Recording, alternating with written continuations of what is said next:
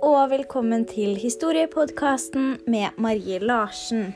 I dagens podkast så tenkte jeg at vi skulle snakke om eh, bakgrunnen og motivasjonen for nyimperialismen. Og i tillegg avslutningsvis så kommer jeg til å ta for meg noen konsekvenser av nyimperialismen, og hvorfor det også preger samfunnet vårt i dag. Først og fremst så syns jeg det er viktig å definere ordet, eller begrepet, imperialismen. Og det gjør jeg da ved Idun sine ord og ikke mine egne. Eh, og imperialisme er da en politikk der sterke nasjoner prøver å skape et imperium ved å dominere andre nasjoner eller områder. Økonomisk, politisk, kulturelt og eller militært. Og veldig nært til imperialismen har vi jo nasjonalismen, som handler om nasjonen. Eh, at man har mer tro på nasjonen og ikke på kongen. Eh, I tillegg så var det jo under nasjonalismen at det begynte å skape sterke nasjoner. Eh, som alle mente da at sin nasjon var best. og at de andre nasjonene ikke var like bra.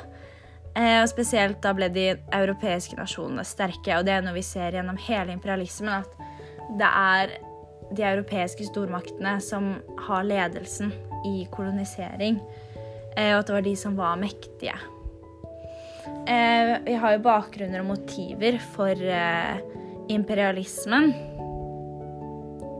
Og vi kan ta politiske motiver først.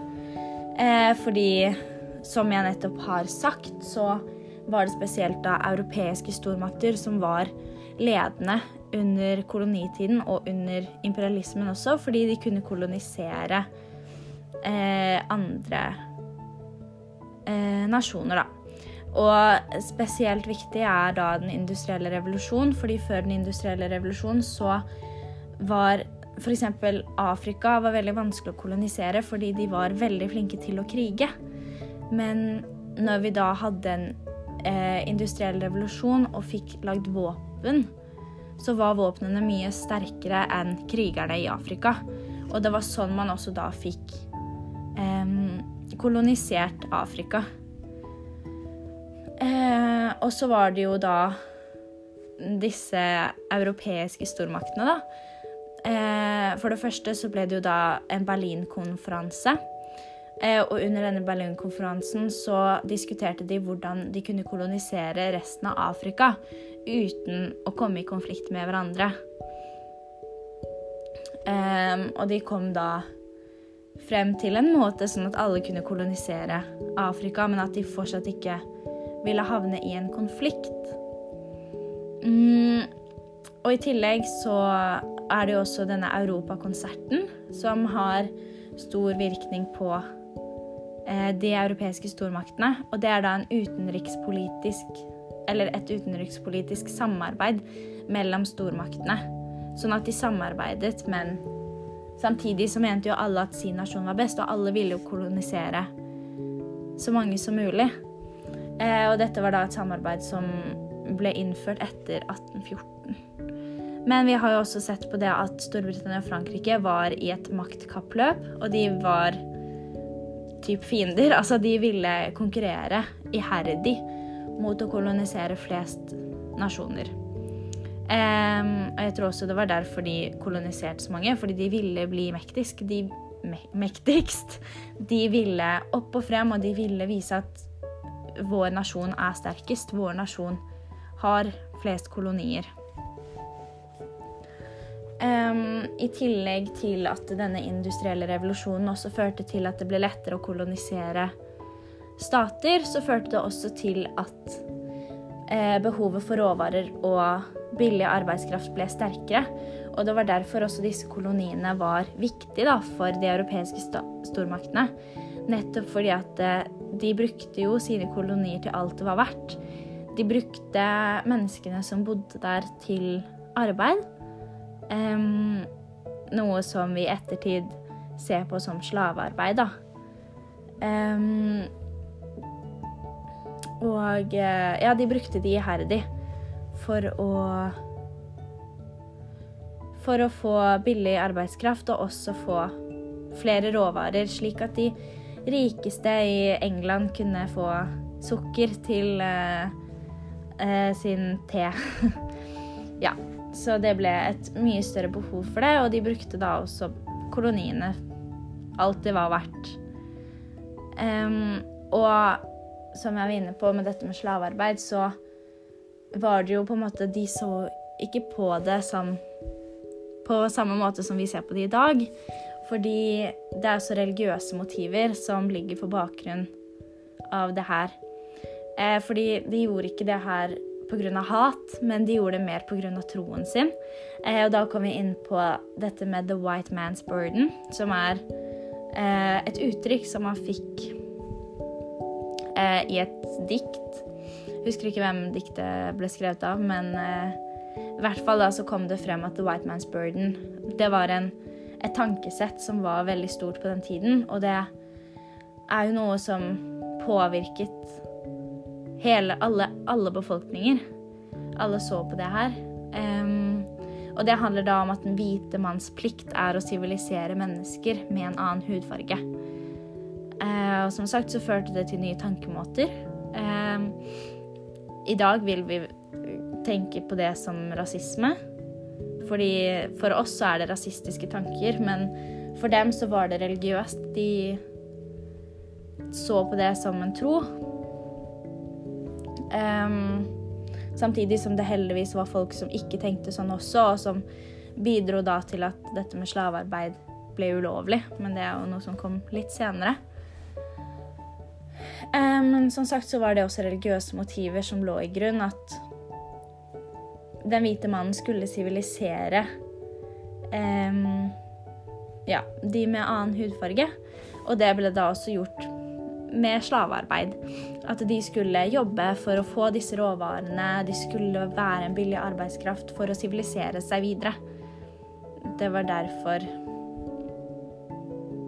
Ja, at det var derfor dette med slavearbeid også var, ble en greie. At det var fordi Fordi at de skulle bli sivilisert, og at de Altså, de europeiske stormaktene trodde jo at de gjorde noe godt selv om de ikke gjorde det. Eh, så det er egentlig de motivene som er for imperialismen og nyimperialismen. Eh, og man ser jo da også at nasjonalismen og den industrielle revolusjonen har vært veldig eh, viktige for nyimperialismen. Og så er det jo klart at nyimperialismen og all denne koloniseringen har hatt en stor, stor betydning, betydning på verden i dag.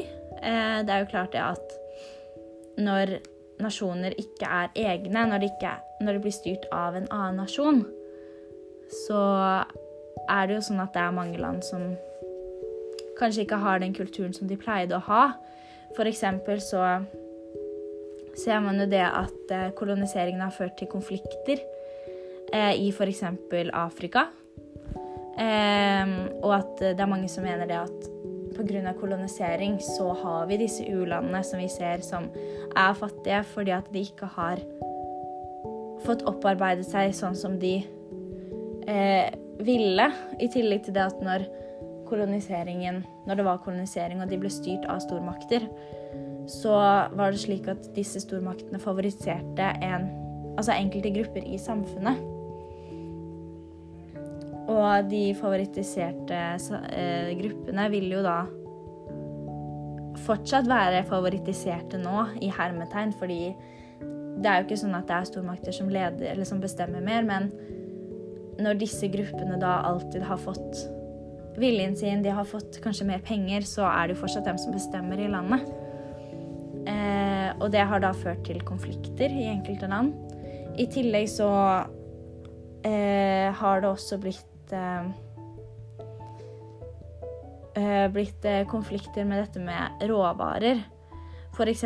i Afrika så har jo det med at uh, under nyimperialismen at det ble solgt kaffe, sukker og bomull fra disse landene, har gjort veldig sterke innvirkning på deres økonomi.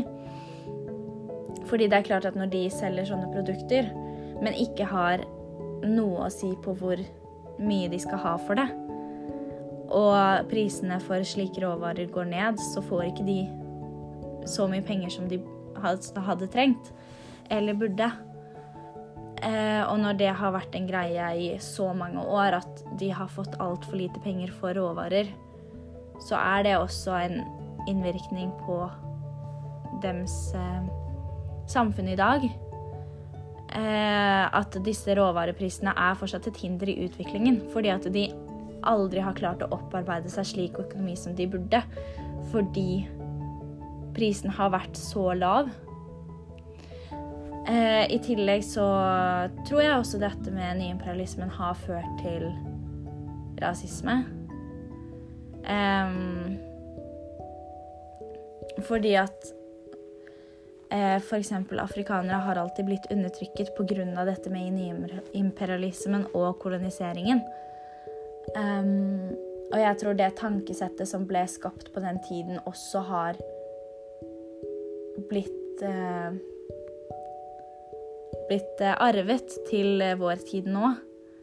Fordi det er klart at de som levde på den tiden, har jo eh, delt sine tanker med familie, f.eks. Eh, og slike tanker blir bare arvet i generasjoner. Og jeg tror ting hadde vært ganske annerledes hvis det ikke hadde vært en nyimperialisme. Og hvis alle stater og nasjoner fått, hadde fått gjort ting på sin måte. Fordi det ikke hadde blitt sånn undertrykkelse som det har vært. Samtidig som det er jo litt skummelt å si, fordi man vet aldri. Men jeg tror det hadde vært annerledes. At det kanskje ikke hadde vært så mye rasisme som det er. Men det er jo noe man aldri vet. Men det er mine tanker i hvert fall at en undertrykket gruppe på en måte alltid vil være undertrykket på grunn av at tanker og tankesett blir arvet. At det kanskje er derfor det er Ja, at det kanskje derfor ikke hadde vært like mye rasisme hvis nyimperialismen aldri hadde vært en greie. Rett og slett.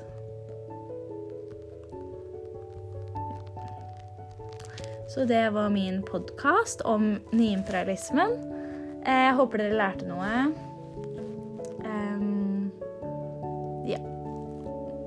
Så ses vi. Ha det.